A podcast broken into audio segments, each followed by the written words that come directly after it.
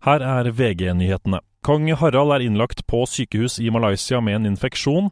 Kongehuset opplyser at han får god oppfølging av både malaysisk og norsk medisinsk personell. Han er jo i den alder at, uh, hvor uh, sånne type infeksjoner kan bli ganske vanskelig. Og så er han jo, han er jo statsoverhode og er på det vis også under konstant uh, legeovervåkning. slik at de vil jo ikke ta noen sjanser når det skjer noe sånt og kongen vår får problemer med pusten. Sa kommentator Yngve Kvistad. Trygve Slagsvold Vedum, Geir Pollestad og Sandra Borch kalles inn på teppet i forbindelse med granskningen av kjøpet av Meråker Bruk til drøyt 2,6 milliarder kroner. Da kontrollkomiteen åpnet sak i høst, sa komitéleder Peter Frølich at summen ligger markant over Statskog egen vurdering av totalverdien.